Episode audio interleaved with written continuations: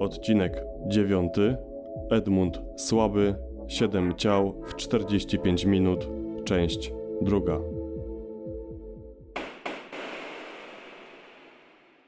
Wznowienie akcji. Witam wszystkich słuchaczy w dziewiątym odcinku podcastu kryminalnego Akta Sprawy.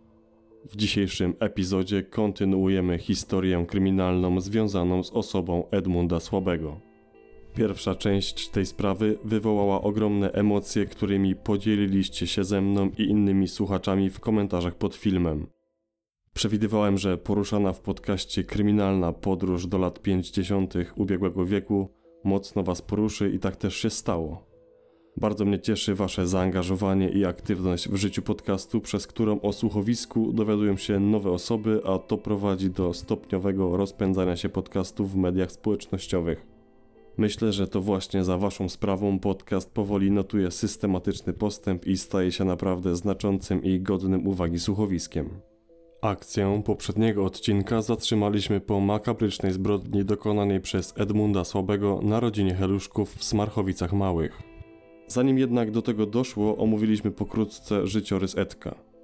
Przypomnijmy więc zwięźle bieg wydarzeń z pierwszej części. Edmund Słaby mieszkał wraz ze swoimi rodzicami w zapadłej wsi pod Kłobuckiem. Ich życie nie było usłane różami. Żyli w ubóstwie i ciągłej walce o przetrwanie. Edmundowi nie było na rękę pracować całymi dniami za marne grosze. W Kobucku wielokrotnie przyglądał się życiu miejscowej elity i zapragnął egzystować tak jak oni. Pierwszym krokiem do spełnienia marzeń była decyzja o rabunku towarów z wagonu kolejowego, którego dopuścił się wraz ze swoim kolegą. Niestety łupy okazały się mało wartościowe, a złodzieje niedługo później zostali złapani i w konsekwencji czego skazani przez sąd na pół roku więzienia. Edmund nie chciał trafić do paki i za radą matki wyjechał do swojej ciotki w Smarchowicach Małych. Jan i Stanisława Heluszek, wujostwo młodzieńca, przed zamieszkaniem w niewielkiej wsi nieopodal Namysłowa ciężko pracowali we Francji. Po powrocie do kraju kupili dom i dwa hektary pola. W kwietniu 1957 roku, cztery miesiące przed przyjazdem Edka, rodzina Heluszków liczyła już siedem osób. W ojczyźnie małżonkowie wraz z pięciorgiem dzieci radzili sobie już całkiem nieźle. Dlatego postanowili 19 sierpnia 1957 roku przyjąć pod swój dach siostrzeńca Stanisławy. Ciotka poleciła Edkowi, aby ten znalazł sobie jakąś pracę. W PGR-ze nie wyszło, dlatego zagonili młodzieńca do pracy przy gospodarskich obowiązkach. Pewnego dnia przejeżdżający milicjant dostrzegł obcego młodzieńca na pastwisku heluszków. Zajechał pod ich dom i po rozmowie z wujem Edka zaniechał kontroli tożsamości młodzieńca. Edmund dwa dni po przyjeździe do Smarchowic Małych postanowił, że wymorduje całą rodzinę Heluszków. Stało się tak za sprawą podsłuchania rozmowy wujostwa o planowanym zakupie konia z wozem. Pierwsza próba zabójstwa domowników nastąpiła 28 sierpnia. Wtedy to dosypał do gotującej się zupy truciznę na szczury. Heluszkowie mieli szczęście, gdyż trucizna była zwietrzała. Edek nie poddał się i przygotował trzy pętle z aluminiowego drutu. Rankiem następnego dnia zabrał ze sobą pętlę oraz znalezioną na podwórku siekierę, a następnie wszedł do chlewika i kilkoma uderzeniami siekierą zamordował Jana, swojego wuja. Nie zwlekając odnalazł Stanisławę, swoją ciotkę, którą również zatłukł siekierą. Kolejnymi ofiarami byli Zygmunt i Aleksander, dzieci wujostwa, które udusił pętlami z drutu aluminiowego. Następna była Genowefa. Zginęła uduszona gołymi rękami przez Edmunda, Dwunastoletnią Władysławę zabił podobnie jak chłopców przez uduszenie pętlą. Na samym końcu jedną ręką pozbawił życia Marysię, dusząc czteromiesięczne niemowlę. Minęło 45 minut, a Edmund Słaby wymordował siedmioosobową rodzinę Heluszków. Zrealizował swój cel, więc mógł swobodnie zawłaszczyć majątek rodziny. Niestety odnalazł tylko 4,5 tysiąca złotych i 7 srebrnych monet. Był wściekły i zawiedzony. Wiedział jednak, że dopuścił się strasznej zbrodni, dlatego szybko postanowił ulotnić się z miejsca zdarzenia i odjechał rowerem na dworzec kolejowy w Namysłowie.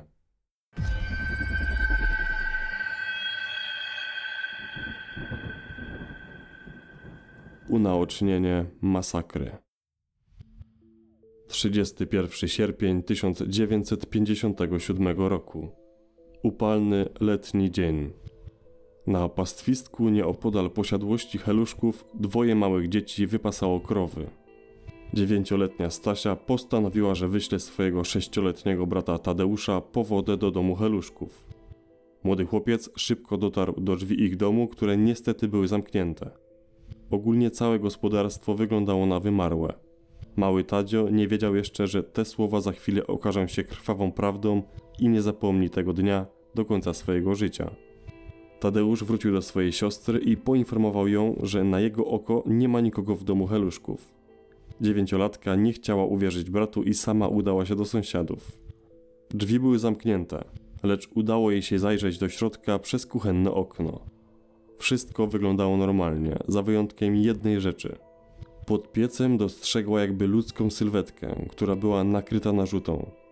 Zaniepokojona dziewczynka postanowiła wrócić po brata i zagonić krowy do swojego gospodarstwa. W czasie powrotu do domu dzieci spotkały swojego sąsiada, Leona Andrzejczuka. Mężczyzna przemieszczał się po drodze wozem i zatrzymał się przy dzieciach, które w szybki sposób streściły swoje zaniepokojenie głuszą w domu rodziny Heluszków. Mężczyzna postanowił zajechać do sąsiadów, a dzieci razem z krowami odeszły w kierunku swojego domu. Leon dotarł do Heluszków i obszedł z grubsza całe gospodarstwo. Nikogo jednak nie widział ani nie słyszał. Postanowił sprawdzić dokładnie i zaszedł do chlewika, w którym jego oczom ukazał się widok iście przerażający. Zobaczył nogi Jana wystające spod słomy. Nie szukał dalej, a pośpiesznie wybiegł z chlewika do swojego wozu. Chciał powiadomić rejonowego milicjanta Stefana Dobrowolskiego. Zanim zdążył odjechać, na miejscu zjawił się wspomniany chwilę wcześniej sierżant, lecz z innego powodu. Rewirowy od mieszkańców dostał informację, że krowy heluszków chodzą bezpańsko po polach. Takie sytuacje nigdy wcześniej nie miały miejsca, dlatego szybko zareagował i przybył do ich gospodarstwa. Równolegle do przyjazdu milicjanta w wiosce nastąpiło poruszenie po informacjach przekazanych przez idące z krowami dzieci. Grupka mieszkańców z Marchowic Małych, wyposażona w widły i siekiery, postanowiła udać się na posiadłość heluszków. Odkryto barbarzyńską rzeź. W mgnieniu oka informacja o masowym mordzie obiegła lokalną społeczność. Wszyscy domyślali się, że mordercą może być przyjezdny Edmund Słaby, którego nie zastali w gospodarstwie heluszków. Mieszkańcy byli zszokowani wydarzeniami w Smarchowicach Małych i byli gotowi, aby dokonać samosądu na poszukiwanym Edku. Gdzie w takim razie znajdował się poszukiwany młodzieniec? Edmund po opuszczeniu gospodarstwa Heluszków udał się na dworzec kolejowy, a następnie dotarł do Oławy. Tam skorzystał ze swojego łupu i sprawił sobie drogi zegarek oraz szykowny strój. Edek uprzyjemniał sobie życie i bawił się dalej roztrwaniając zrabowane pieniądze. Postanowił udać się do podwrocławskiego Bierutowa, gdzie mieszkał jego znajomy. Oczywiście razem poszli zaszaleć i wybawić się. Edmund nie liczył się z pieniędzmi. Alkohol lał się strumieniami. Sam także potrafił innym postawić piwo czy wódkę. W końcu coś mu odbiło i nieźle podpity chwycił za atrapę pistoletu. Straszył biesiadników śmiercią i finalnie impreza się skończyła. Poranek przypomniał Edkowi nie tylko o kacu, ale także o straszliwej zbrodni, którą miał na swoim sumieniu. Postanowił, że spróbuje uciec na zachód. Dlatego też znalazł się na dworcu kolejowym i wszedł do pociągu zmierzającego do Piławy Górnej. Wybryki z poprzedniego dnia nie przeszły bez echa. Mieszkańcy poinformowali milicję obywatelską o podejrzanym młodzieńcu obkupionym w drogie ciuchy, stawiającym alkohol i wymachującym bronią. Funkcjonariusze szybko skojarzyli fakty i doszli do wniosku, że może być to poszukiwany Edmund Słaby. Postanowiono schwytać poszukiwanego młodzieńca tak szybko, jak było to możliwe. Dlatego też milicja obywatelska zorganizowała zasadzkę na peronie w Piławie Górnej. Był to bardzo trafny krok, ponieważ gdy młodzieniec dojechał do stacji w Piławie, wpadł prosto w ręce funkcjonariuszy, którzy go aresztowali.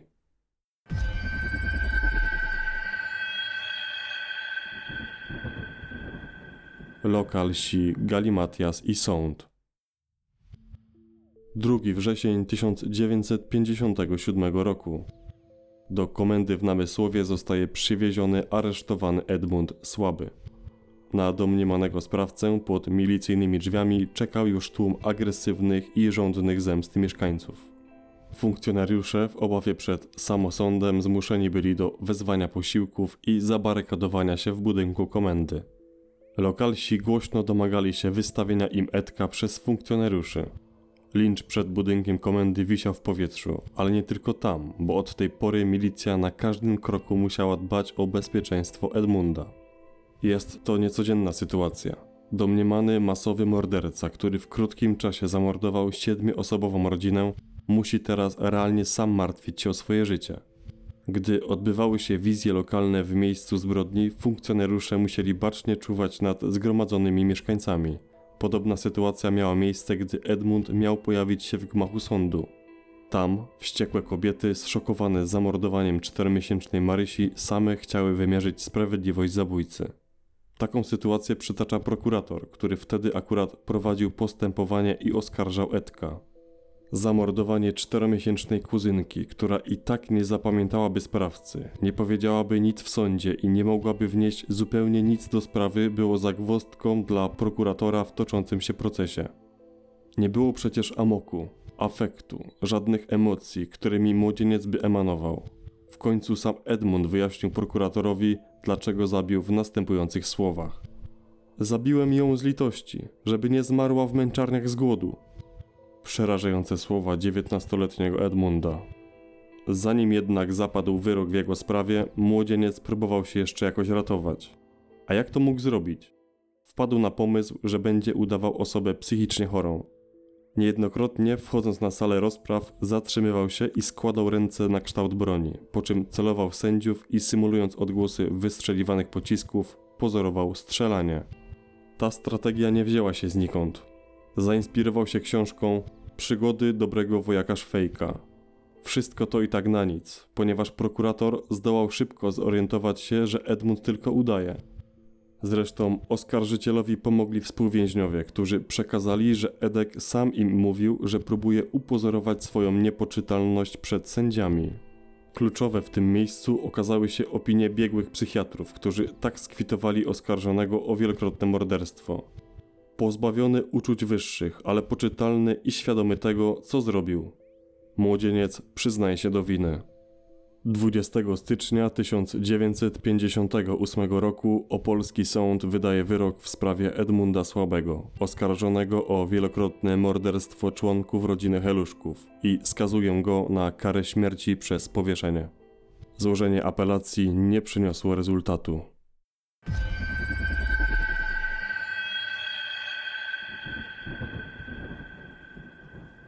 Kara śmierci. 9 wrzesień 1959 roku. O poranku do więzienia, w którym przebywał Edek, przychodzi mężczyzna w średnim wieku. Strażnicy otwierają drzwi i otrzymują od nieznajomego dokument o niniejszej treści. Właściciel niniejszego pisma jest wykonawcą wyroku śmierci na Edmundzie Słabym. Po tym nieznajomy kat wchodzi do więzienia. Dlaczego tak to wyglądało, zapytacie? Ponieważ w dawnej Polsce wykonaniem wyroków śmierci zajmowali się zwykli ludzie. Nie było ich wielu, zaledwie kilka osób okrytych tajemnicą państwową. Kat, będąc ręką sprawiedliwości, podobno otrzymywał wynagrodzenie w wysokości średniej miesięcznej płacy w tamtych latach, czyli jakieś 600-700 zł za wykonanie egzekucji. W opolskim więzieniu nie było przystosowanego pomieszczenia do wykonywania kary śmierci. Na tą okoliczność wykorzystano piwnicę więzienia, a pod jej sufitem umieszczono hak. Takie prowizoryczne warunki musiały wystarczyć do zakończenia żywota wielokrotnego mordercy. Pod szubienicę prowadzono skazańca. Chyba dopiero wtedy Edmund zorientował się, że to wszystko dzieje się naprawdę i zaraz to on straci życie. Tym razem Edek nie był emocjonalnie obojętny. Wszystko puściło. Jako ostatnie życzenie straceńca zechciał napisać list do matki. Przekonywał w nim, że to nie on jest mordercą rodziny Heluszków, że to nie on zabił jej siostrę, swojego wuja i swoje kuzynostwo. Prokurator po czasie wspominał, że Edek był sparaliżowany sytuacją, w której się znalazł, ale wiedział, że ostatnie co może zrobić, to napisać właśnie ten list. Koniec nadchodzi. Kat zakłada i zaciska pętlę na szyi skazańca. Chwilę później wykopuje spod jego nóg drewniany stołek. Edmund wisi. Tutaj ciekawostka.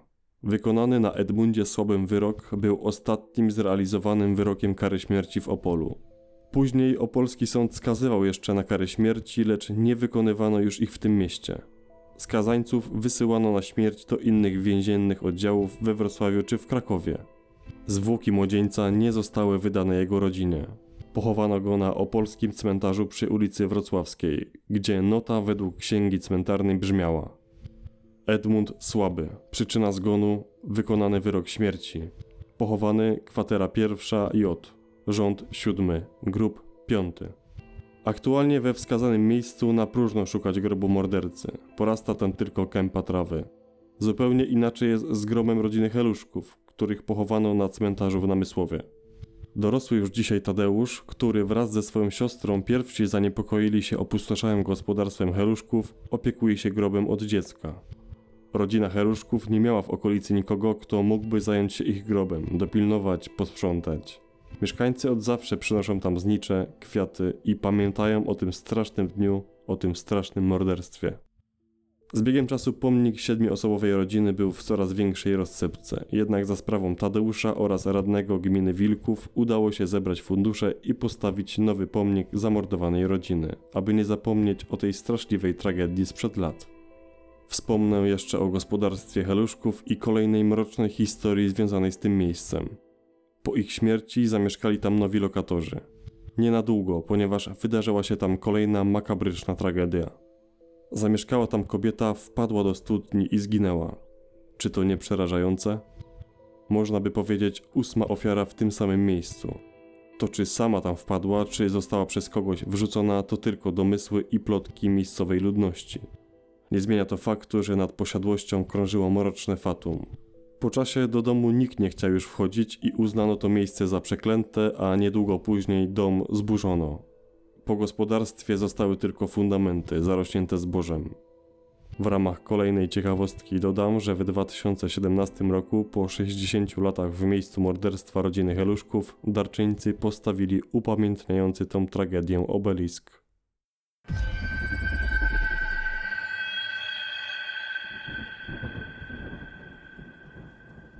Podsumowanie. Edmund Słaby, wielokrotny morderca, powinien umierać siedem razy. Niestety umarł tylko raz. Potworny, bezuczuciowy młody człowiek wymordował całą rodzinę Heluszków dla kilku srebrników. Kryminalna historia sprzed 62 lat jest jedną z najbardziej brutalnych i bezdusznych spraw powojennej Polski.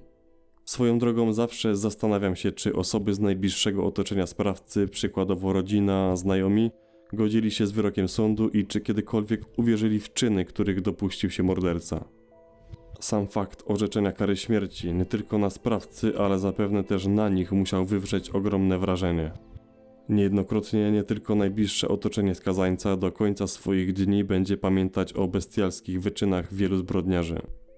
Historia pokazywała, że czasem wystarczy znaleźć się w nieodpowiednim miejscu i nieodpowiednim czasie, aby zapisać się już na zawsze w tragicznych wydarzeniach. Czasem również bierność bądź celowa niechęć reakcji może przesądzić o katastroficznych zdarzeniach. Jednak najgorszym i chyba najbardziej posępnym czynnikiem jest aspekt nieprzewidzenia możliwych zdarzeń ze względu na brak przezorności, szczególnie w przypadku osób trzecich, które miały okazję obcować z przyszłymi ofiarami i sprawcą, nie wiedząc, co ma się niebawem wydarzyć, a równocześnie mogły temu w jakiś sposób zaradzić. Bywa i tak, że w późniejszym rozrachunku, przy świadomości i znajomości całej sprawy, wybaczenie sobie przeoczenia i braku działania jest niemożliwe. I nawiązując do tego, wspomnę o ciekawostce. Jakiś czas temu mocno już podstarzały Stefan Dobrowolski, milicjant, który chciał wylegitymować Edmunda Słabego, wypowiadał się, że przez nadmierne zaufanie w słowa Jana Heluszka przez całe swoje życie miał potworne wyrzuty sumienia. Jak sam wspominał, może gdyby spisał w tamtym momencie dane personalne Edmunda, nie doszłoby do tak potwornej, krwawej tragedii. No właśnie, gdyby wiedział. Gdyby tak było, to wiele kryminalnych spraw zakończyłoby się przedwcześnie, albo do wielu by w ogóle nie doszło. Na dzisiaj ode mnie to wszystko. Udało się zamknąć tą sprawę w dwóch odcinkach. Muszę przyznać, że z każdym kolejnym odcinkiem wyczuwam coraz większy apetyt na kolejne wyzwania. A jakie? Cały ten sezon poświęcony jest kryminalnym sprawom lat 50. zbrodniarzom skazanym na śmierć. Powoli zbliżamy się do końca pierwszego sezonu, lecz przed Wami jeszcze jedna bardzo głośna sprawa kryminalna z tego okresu. Na koniec dodam, że serdecznie zachęcam do kontaktu wszystkie osoby interesujące się podcastem, które chciałyby włożyć swój wkład w dalszy rozwój słuchowiska. Informacje kontaktowe znajdziecie w opisie odcinka, jak i w sekcjach informacyjnych podcastów w serwisach społecznościowych. Pamiętajcie, jeśli podcast Was zaciekawił, to klikajcie w subskrypcję i dzwoneczek oraz dajcie łapkę w górę. Napiszcie w komentarzu, co sądzicie o sprawie Edmunda Słabego oraz w jakich okolicznościach najczęściej zdarza Wam się słuchać kryminalnych podcastów. Tymczasem się z Wami żegnam i do usłyszenia już niebawem.